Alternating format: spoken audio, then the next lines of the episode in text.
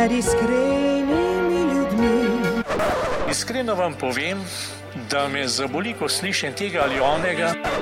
Prejmite, prosim, iskreno uh, izraze mojega obžalovanja. Well, I think that I'm an honest person. I feel I'm an honest person.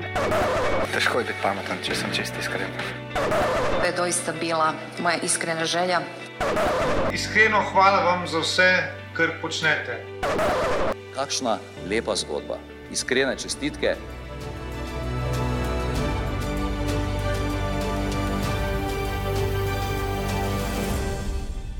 Dragi poslušalci, cenjene poslušalke, lepo pozdravljeni v novi oddaji najbolj iskrenega podcasta.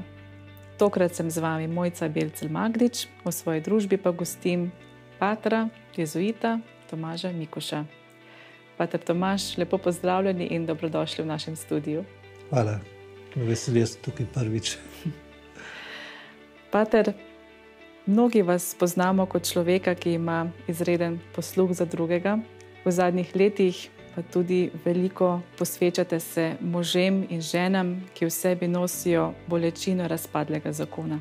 Vendar, če pogledamo vašo bogato biografijo, vidimo, da ste v tej vlogi šele nekaj let. Pa bi nam zaupali, kako ste se odločili, da se boste posvetili pastorali ločenih oziroma možem in ženam, ki jim je razpadel zakon. Pred šestimi leti sem bil študentski duhovnik v Mariboru. Tisto leto sem se tudi prizadeval, da prinesem v Slovenijo Rahel in Vinograd, duhovne vaje za tiste, ki so imeli travmo splava. In nekako začel sem čutiti sam pri sebi, da je moje srce zdaj bolj s temi, ki so doživeli splav, kot za študenti. Potem pa se je zgodilo, da je pater Vili Lovšek, ki je bil takrat duhovni asistent za skupnost srce, takrat je bil asistent že 13 let, uh, odšel na sobotno leto v Avstralijo. In se je pojavila potreba, da nekdo vstopi v njegovo delo, oziroma da nadaljuje s spremljanjem skupnosti srce. In meni je bilo to povabilo dobrodošlo, ne, ker sem pač začutil, da je moje srce bolj s tistim, ki so doživeli travmo neke oblike. Uh, tudi ločitev je travma, ne, tako kot je, ker je smrt pač enega odnosa, ne, ker je smrtenih sanj, ki si jih imel za svoje življenje, ker je veliko žalovanja. Ne, in to je bilo meni nekako zelo na kožo pisano, ne, se pravi, zaradi moje osebne izkušnje uh, in uh, prej v življenju, in tudi, uh, uh, ker je bilo to nekako zelo blizu, ne, se pravi, žalovanju, procesu žalovanja, ne, ki ga imamo v duhovnih vajah uh, za ljudi, može in žene, ki so doživeli splav. In potem v drugih duhovnih vajah, ki so tudi iz teh zrasle. Ne, Moram povedati, da jaz nisem avtor teh duhovnih vaj, uh, da rečem tega. Avtor je dr. Tereza Burk, ampak uh, v teh duhovnih vajah se v prvi vrsti gre za žalovanje. In uh, tako sem um, uh, tudi te duhovne vaje, ki so za žrtve zlorab, ne se tudi gre za proces žalovanja. Mm. Tako da nekako me je to potem pripeljalo v skupnost srce, se pravi najprej. Uh, povabilo provincijala, ne se pravi, da prevzamem ta postulat in iz, Ljublja, iz Maribora pridem v Ljubljano, nazaj k svetemu Jožefu. In tako sem se pač znašel kot duhovni asistent uh, skupnosti srce. Kaj pa pomeni biti duhovni asistent? Na kakšen način pomagate? Pred petimi leti je bilo drugače kot danes. Lahko rečemo, da v teh petih letih je nastal kar močan odbor lajkov v skupnosti srce. In da um, s tem, ko sem prišel, sem se sam ukvarjal tudi veliko z ustvarjanjem letnega programa, uh, do vem, objavljanju, preurejanju internetne strani, objavljanju na, internetne, na internetni strani. Se pravi, veliko je bilo tega dela, ki uh, v svoji osnovi niti ni delo duhovnega asistenta, ne, ampak sem pač. Uh, tudi ta dela uh -huh. uh, prevzemal. Potem pa, seveda, ko se je odbor jačal in krepil, ne, je prišlo tudi do tega, da vse več so lahko prevzeli ločeni sami. Mhm. Tako da je moje delo vse bolj delo duhovnega asistenta. To pomeni, da imam za skupno srce vsak ponedeljek uh, zvečer Maša pri svetem Jožefu, da uh, sodelujem z odborom, ne, tako da za njih uh, skupaj pač organiziramo letno refleksijo, letno načrtovanje. Mesečno se dobimo na skupnih srečanjih, ne, kjer imam jaz duhovno misel. Mhm. Skupaj oblikujemo program za leto. Jaz skrbim za to, da organiziram adventne duhovne vaje, posne duhovne vaje, potem duhovne počitnice v poletnem času. Potem k temu pride potem pa še osebno spremljanje tistih oseb, ki si želijo, da jih osebno spremljam na njihovi poti okrevanja in spremljanje skupin. Ta trenutek spremljam um, občasno ponedeljkovo skupino, ki so sicer samostojna skupina, ker to je skupina, ki dela po duhovnosti 12 korakov anonimnih alkoholikov. Mm. Uh, potem začel sem spremljati uh, v letošnjem letu skupino ponovno poročenih parov, mm. to je kot zakonska skupina, in potem je pač spremljanje cele skupnosti pač in programa, ki ga imamo. Tako da nekako to je recimo delo duhovnega asistenta. Včasih je več, včasih manj, ne, ker poleg tega, da sem duhovni asistent, seveda imam potem še druge odgovornosti. Mm. Če pogledam nazaj, prej ste delali z mladimi, za zakonci, s posamezniki na področju duhovne rasti, sedaj, kot pa omenjate, pa delate z ljudmi, ki v sebi nosijo bolečino, bodi si splav, ločitev, zloraba. Uh, ste bili pripravljeni na to poslanstvo? Ne bi rekel, da sem bil pripravljen na to poslanstvo. Uh, lahko pa sem hvaležen za uh, študij uh, vodenja in pastoralne oskrbe, ki sem ga imel na Irskem. Uh, to je bil enoletni diplomski študij, v katerem sem veliko prijel, ne se pravi, kako delati z ranljivimi skupinami. Uh, študiral sem pri bratih Lazaristih na fakulteti All Hallows, uh, Univerze v Dublinu. Tudi drugače sem svojo teologijo upravil v Dublinu na Jezuitski univerzi, ne Biltown. Uh, se pravi, sam študij in praksa, ne, ki smo ga imeli v okviru tistega študija, mislim, da mi je kar dosti dobro pripravil na to poslanstvo. Seveda, s, tistim, s tem študijem bi lahko tudi šel delati vem, kot bolniški kaplan, vojaški kaplan ali zaporniški kaplan. Pač, uh, uh, zato je bil ta študij namenjen. Tako da to je bilo že en lep del priprave. Seveda sem se moral po potem, ko sem stopil v skupnosti srce, pač ogromno učiti.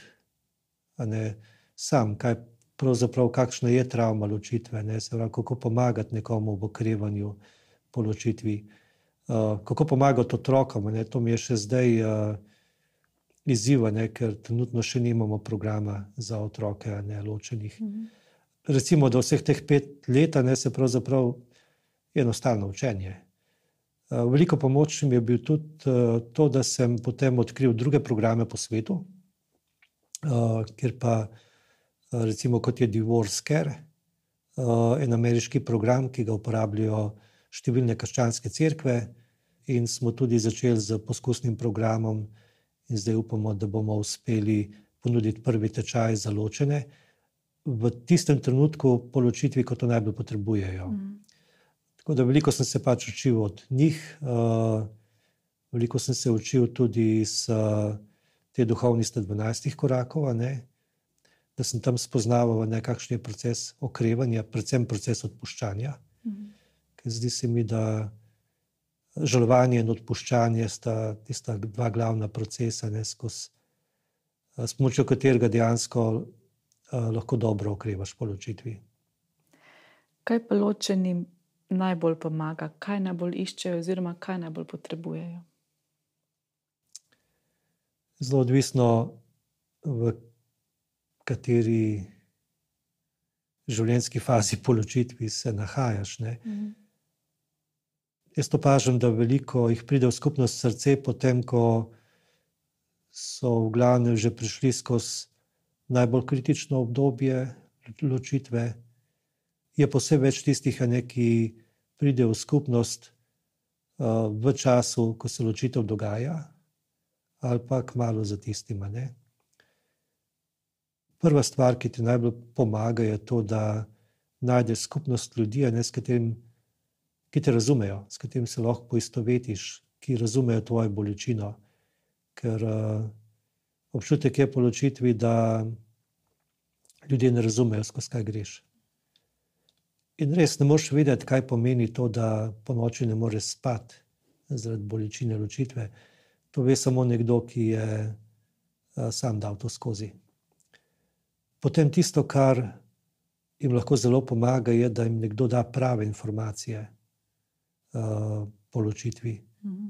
Prav te praktične za življenje.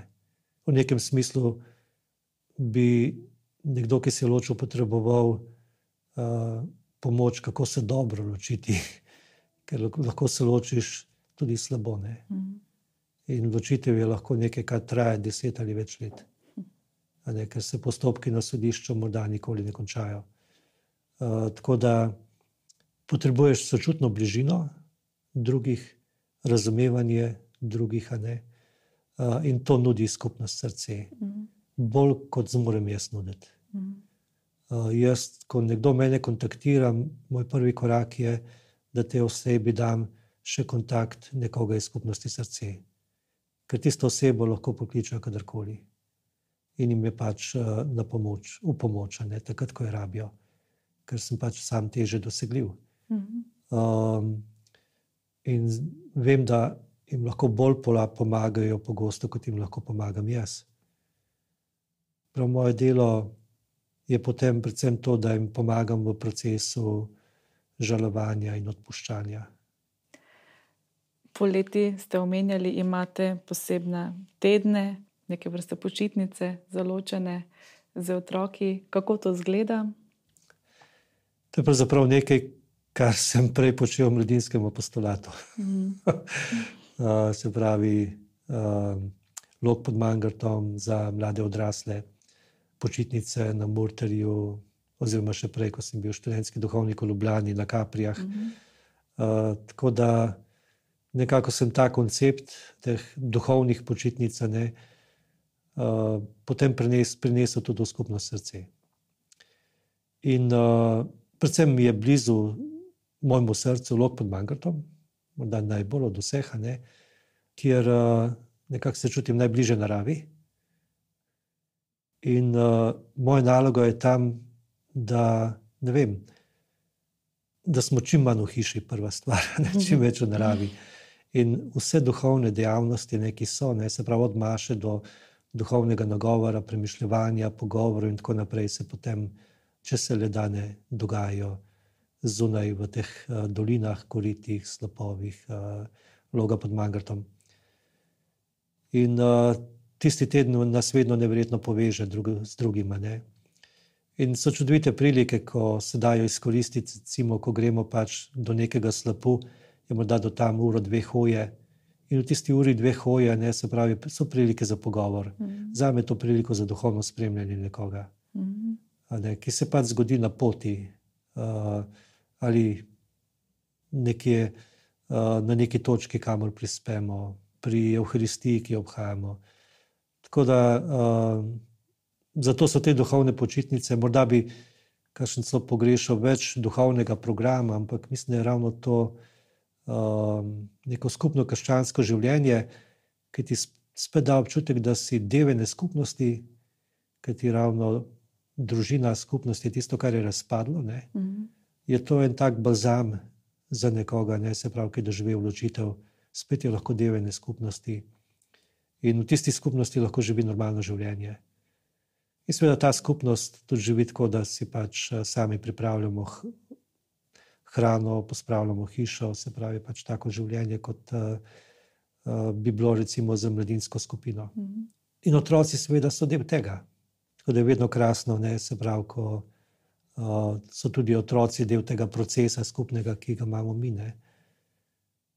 Pa so pa lahko mehke stvari, recimo, kaj se jim nekomu pomaga, da pride na vrh Mangarta. Mm. Je lahko nekaj, ne, kar tej osebi da večjo samo podobo, in je potem se lahko reče, ok, če sem to zmogla, morda pa zmorem še kaj drugega v svojem življenju. Uh, naprimer. Uh, tako da včasih vedno, vedno poskrbim, no, da gre ljudje malo, malo preko svoje meje. Kaj pa otroci? Imate, prej ste menili, da nimate nekaj posebnega, tako čez leto programa za njih. Kako pa je potem v tem tednu, v tednu, ko so na počitnicah in imajo stika z vami, imate, imate kaj posebej za njih? Poskušamo vsako leto. V tem programu Divorce Care, ameriškem programu, ima poseben program Divorce Care for Kids, uh -huh. se pravi skrb za, ločene, za otroke iz ločenih družin. To je ravno tako desettedenski program za nje. Se pravi, v letošnjem letu želimo te vsebine, ne, se pravi, ki so jih oni pripravljeni uporabiti tudi v teh naših uh, duhovnih uh, počitnicah. Drugače pa do sedaj je tako, da uh, nismo imeli posebej vsebin za otroke, uh, ampak opažal pa sem potrebo po tem. Mhm. Tako da otroci so več ali manj vedno bili pač del tega, kar smo počeli vsi, razen neko smo bili pač nek pogovor, ne so bili pač otroci angažirani kako drugače. Je pa izzivno, ki ga nismo še uspeli uresničiti. Malo tudi je ne zato, ker uh, je bilo manjše število otrok. Lahko pa rečemo, ne, da uh, že to dejstvo, da so bili otroci ne, in da smo bili skupaj, je pač ustvarilo to vzdušje družine. Uh -huh. uh, in uh, koliko sem videl, se so otroci tudi radi vračali ne, potem, uh, v te programe. Je pa različno zdaj, aj to morje, ker na morju je pač drugačen program. Ne? Ali, je, ali so to hribe, ne, kjer je možno več uh, uh, skupnega programa. Kaj pa uh, skupine srce, je teh več po Sloveniji? Spremljate vse ali samo to, mogoče v Ljubljani? Uh, skupnost srce se je začela uh, pri Svetni Jožefu v Ljubljani, potem se je razširila še na nekaj krajev. Tiste skupine so potem zamrle, imeli smo več poskusov, da bi ponovno oživili skupine v drugih krajih. V Novi Gorici in Ajdovščini je ta skupnost dobro zaživela, pa je zdaj z koronavirusom nekako zamrla. Zelo dobro ta skupnost živi v župni Svetega Marka v Kopru, na Markovcu. Uh, Sveda, za skupnost je tam odgovoren, uh, uh, se pravi, oče Ervin. In se pravi, tisto, kar si pomagamo, duhovni voditelj med sabo, je pač, da si pač pomagamo z duhovnim programom, ne, ki ga imamo na teh srečanjih. Poskus je tudi bil, da bi začeli skupnosti v celju, pa nismo uspeli. Je še vedno želja, sedaj vidim nekako največjo priložnost, da bi prav s pomočjo tega desettedenskega tečaja za ločene, uh, uspeli, uh, da bi te skupnosti zaživele tudi v drugih krajih. Ker pač rabiš en uh, preprost, uh, enostaven program uh, z kvalitetno vsebino, ki ga lahko izvajajo ločeni sami in potrebujejo sem spremstvo duhovnika, in potem zadeva steče. Um, v času koronavirusa pa se je predvsem okrepila, mislim, da skupnost v Ljubljani. Mm. In uh, zaradi narave, ne se pravi, hibridnih srečanj, je tudi tako, recimo, da se srečanj dejansko udeležijo tudi ločeni iz cele Slovenije, ne da bi jim bilo potrebno priti v Ljubljano. Mm. So pa tudi ljudje, ki recimo iz Vipave pridejo v Ljubljano. Mm. Katere so pa ovire, da recimo neka skupina ne more zaživeti v neki župniji? So to predsotki ali se ločeni bojijo izpostaviti? Um, kaj vi opažate? Oh, pa, um, zdi se, da skupina za ločene najlažje zaživi v mestnem okolju, uh, kjer nisi izpostavljen. Mhm. Čeprav je skupina čisto dobro zaživela na obali in tudi v Ajdoščini. Mislim, da je zelo odvisno od tega, se pravi, kakšno podporo ima nastanek skupine, se pravi pri lokalnih duhovnikih znotraj župni in dekanija. Ne. Je pa res, ne, da nekdo, ki se loči, pogosto, no, zdaj različno, nekateri, ne, za njih ločitev predstavlja trenutek, ne, ko dejansko se bolj povežejo s crkvijo, začnejo vredno zahajati k maši. Za druge poločitve predstavlja trenutek, ko prekinejo popolnoma s crkvijo. Mhm. Je že težko doseči z informacijo, da obstaja skupina za ločene.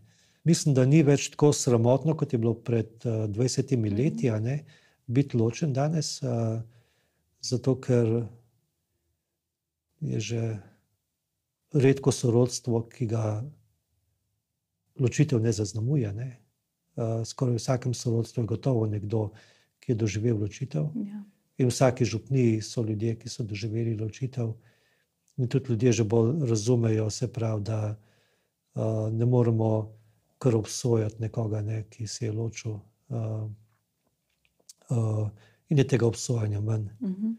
Tisto, kar seveda morda manjka pri vsem tem, je tudi zaradi splošnega morda v Sloveniji še ni pomankanje duhovnikov, ampak vseeno zaradi tega splošnega, da so duhovniki večinoma preobremenjeni, ne mnogi, je res težko priti do duhovnih voditeljev. Mhm. In uh,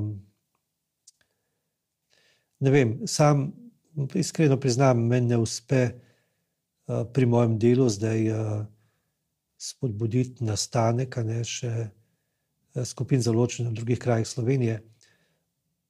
Eh, računam pa, ne, da se bodo, uh, se pravi, ločeni, ki so v skupnosti srca, oziroma v odboru, ne, zdaj v prihodnosti lahko malo bolj k temu zauzeli. Mm. Predvsem vidim, ne, se pravi, da imajo oni največjo moč in možnost, da, eh, da se te skupine razširijo. Se pri duhovnikih opazi, da so recimo bolj občutljivi do določenih v cerkvi, jih skrbi za nje, ali je samo problem pomankanje časa, je problem pomankanje časa ali da še ni toliko v zavesti, da je potrebno tudi skrbeti za ločene. So duhovniki, ki imajo izreden posluh za nekoga, ki je doživel travmo ločitve. So duhovniki, ki nimajo tega posluha.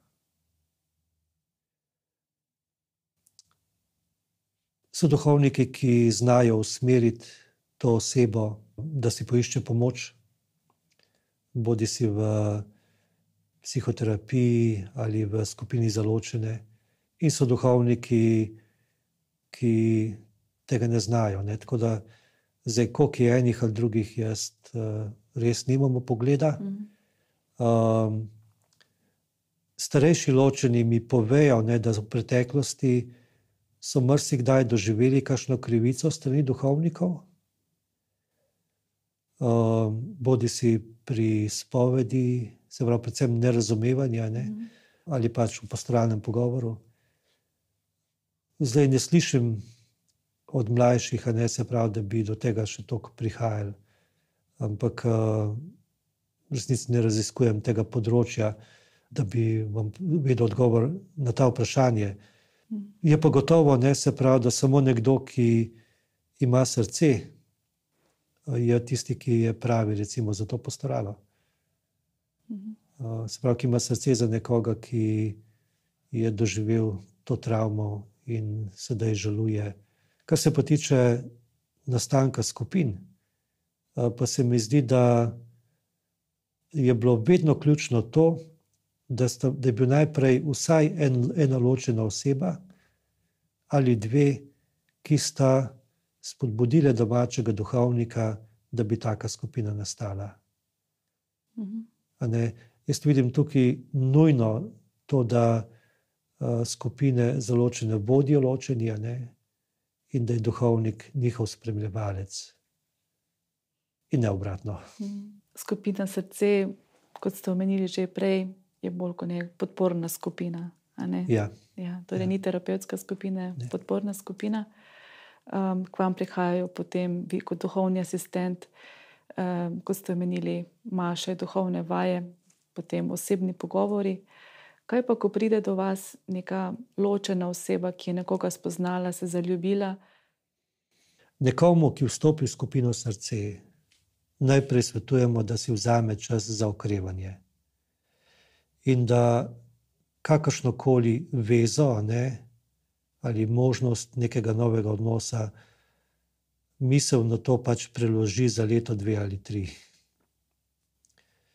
Zato, ker izkušnja je, ne, da če nekdo vstopi v skupnost srca in v nekaj mesecih že vstopi v novo vezo, bo to pač zaustavilo njegov proces okrevanja, verjetno.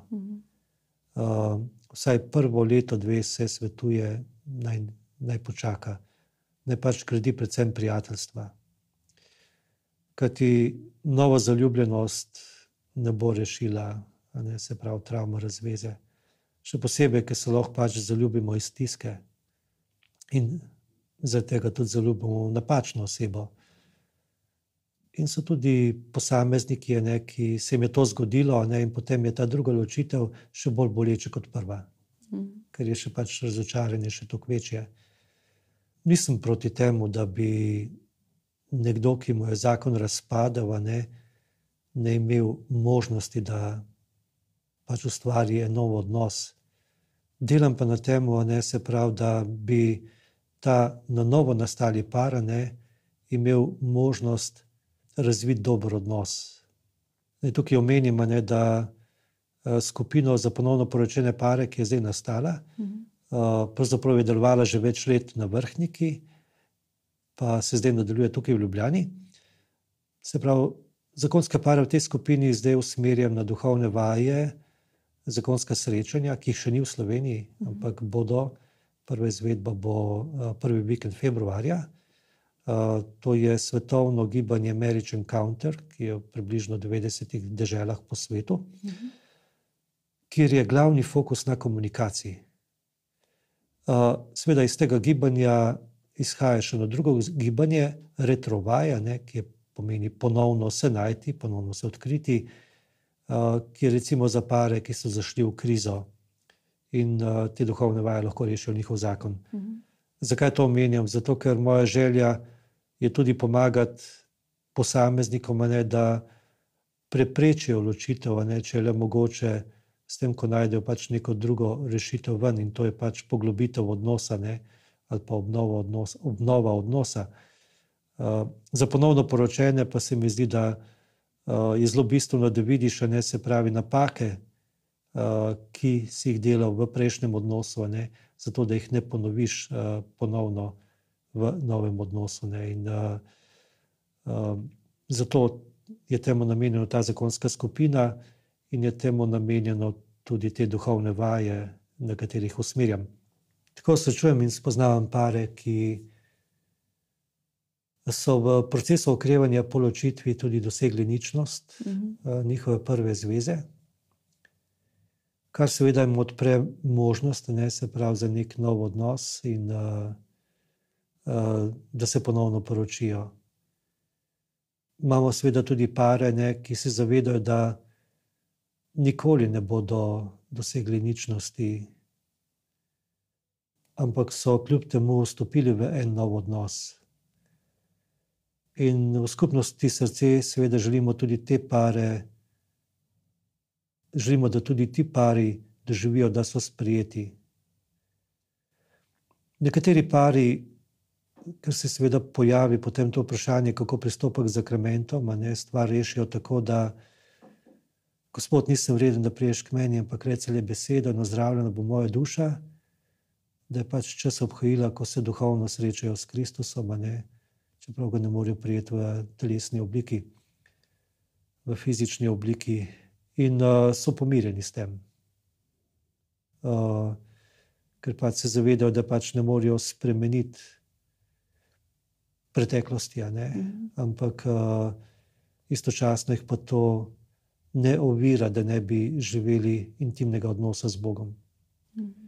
Uh, in nekako tudi svoj zakon doživljajo kot, uh, kot pač uh, krščanski zakon, ne, čeprav ni potrjen strani crkve.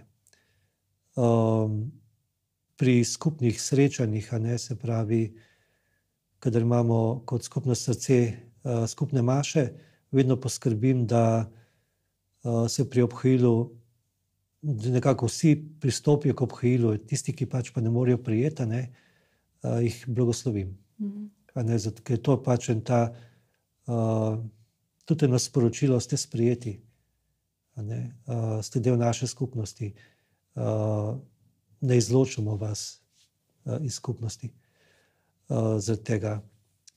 Je pa seveda en čas, ki je bolečen, se pravi, uh, ko pač ugotoviš, da ne moreš priti morda do ničnosti uh, prvega zakona, ali pa tudi, da ne moreš niti reči, da je bil ničen. Uh, se pravi, niti za tega ga ne iščeš, da bi mhm. dosegel ničnost. In nekateri se odločijo, da poiščejo ničnost zakona. Um, zaradi svoje osebne potrebe, pa to tudi storijo, pa potem ne vstopijo v nov odnos. Ne.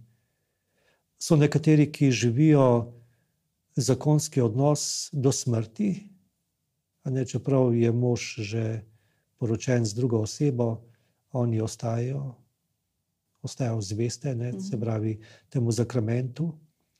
In tudi v tem najdejo svojo neko pomiritev, ne, mm. da pač živijo to zvestobo zakonski obljubi. Zdaj sam proces ničnosti vidim kot problematičen. Ne?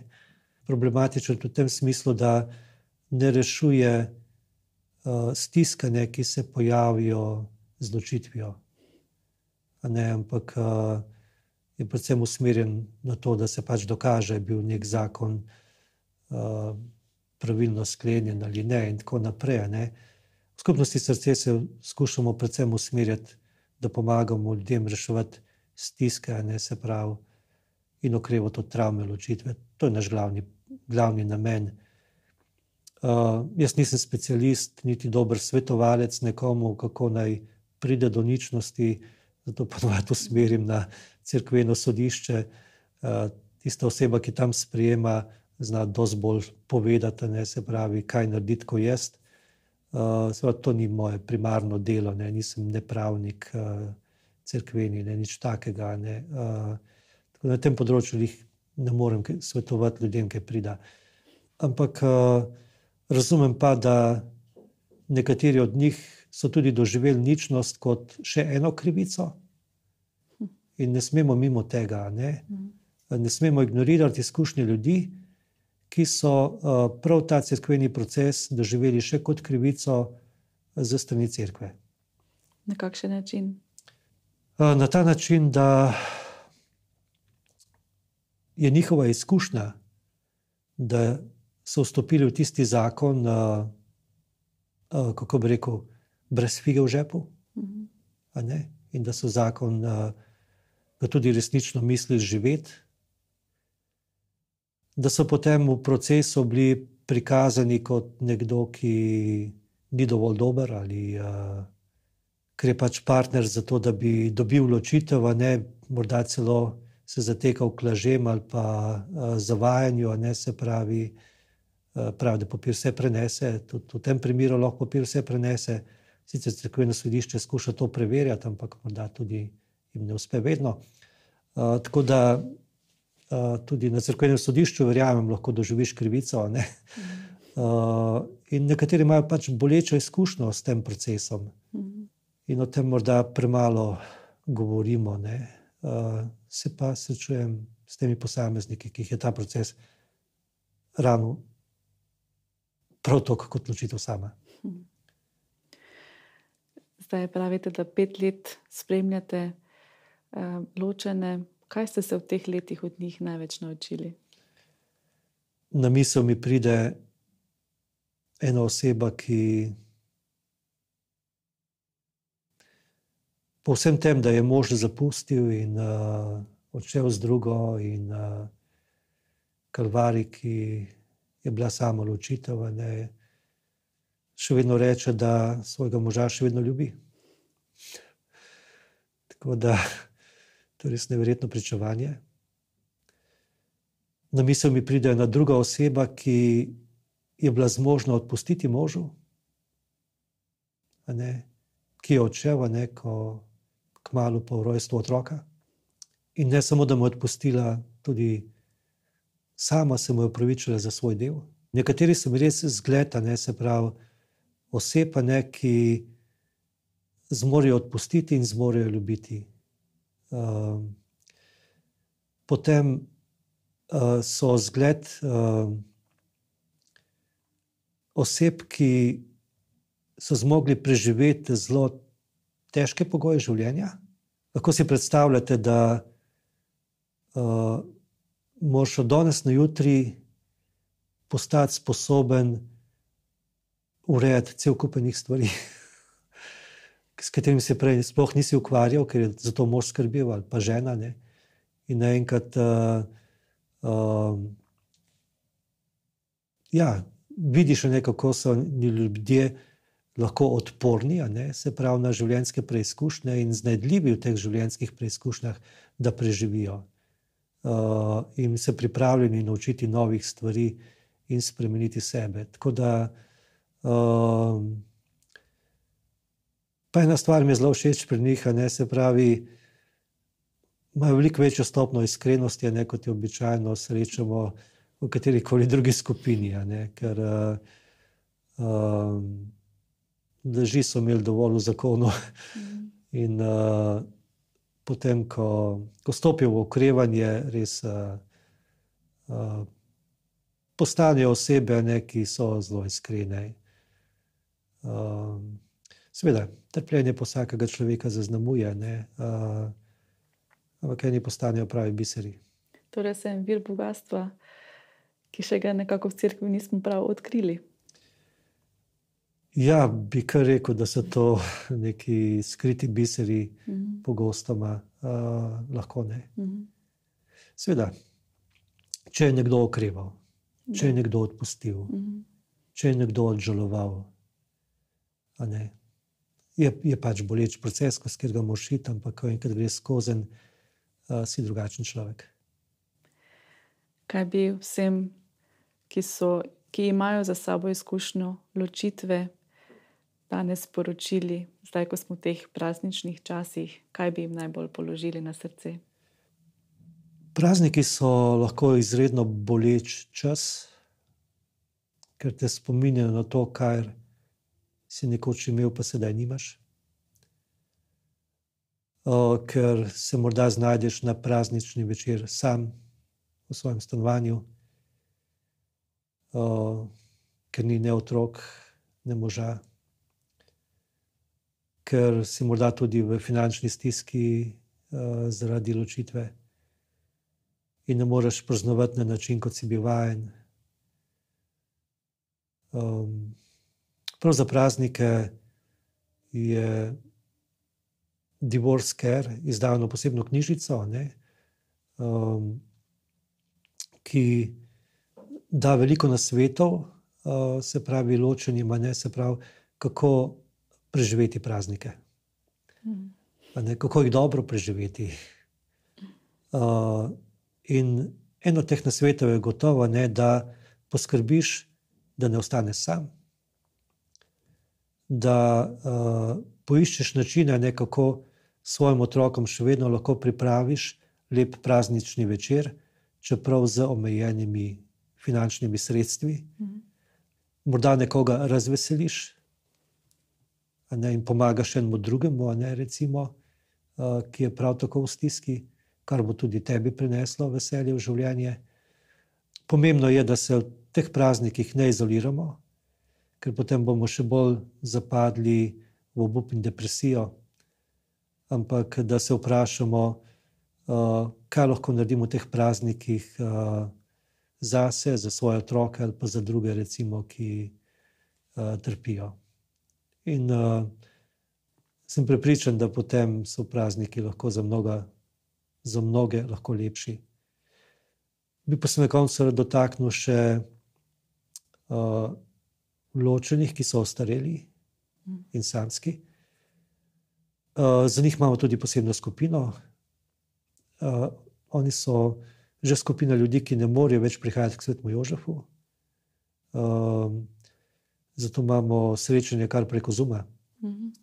In uh, vsekakor, če me sliši kdo, ki je uh, ločen, uh, samski, uh, ostarel. Uh, bi želel, da ve, ne, da ta skupina obstaja, da se srečuje dvakrat mesečno in uh, da je povabljen, da se pridruži, uh, ker uh, bo dobil tisto podporo, ne, se pravi, ki jo še posebej potrebuje.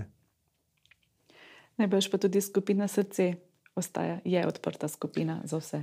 Absolutno. In tudi, če nekdo ne more v Ljubljano, ne, se pravi, vse naše predavanja uh, in uh, naše takrat so preko Zuma, tako da se nam lahko virtualno pridruži. Uh, in seveda fizično, pa seveda katerikoli ponedeljek ob sedmi uri zvečer, in potem na srečanju ob osmih, ali pa na naših programih, ki jih imamo od izletov, duhovnih počitnic, duhovnih obnov. Dragi poslušalci, cenjene poslušalke, iskrena hvala, ker ste prisluhnili tokratnemu podkastu. Verjamem, da vas je pogovor s, Tomaž, s patrom Tomažem Mikušem obogatil, vam hkrati dal veliko informacij, kam se lahko obrnete, kam se lahko pridružite, čemu je skupno srce namenjena. Vabljeni tudi, da se nam pridružite spet naslednjič, ko bo v naslednjem podkastu z vami Dušan Poslek. Vam, pater Tomaš Mikuš, pa se zahvaljujem, da ste se odzvali našemu povabilu. Želim vam še naprej, da bi bili tisto uho vsem, ki ga toliki ločeni potrebujejo, in tudi da vse načrte, ki jih imate, z ločenimi, z zakonci v stiski z otroki ločenih, da bi vam uspeli in da bi dobili tudi ljudi, ki bi vam pri tem pomagali. Hvala.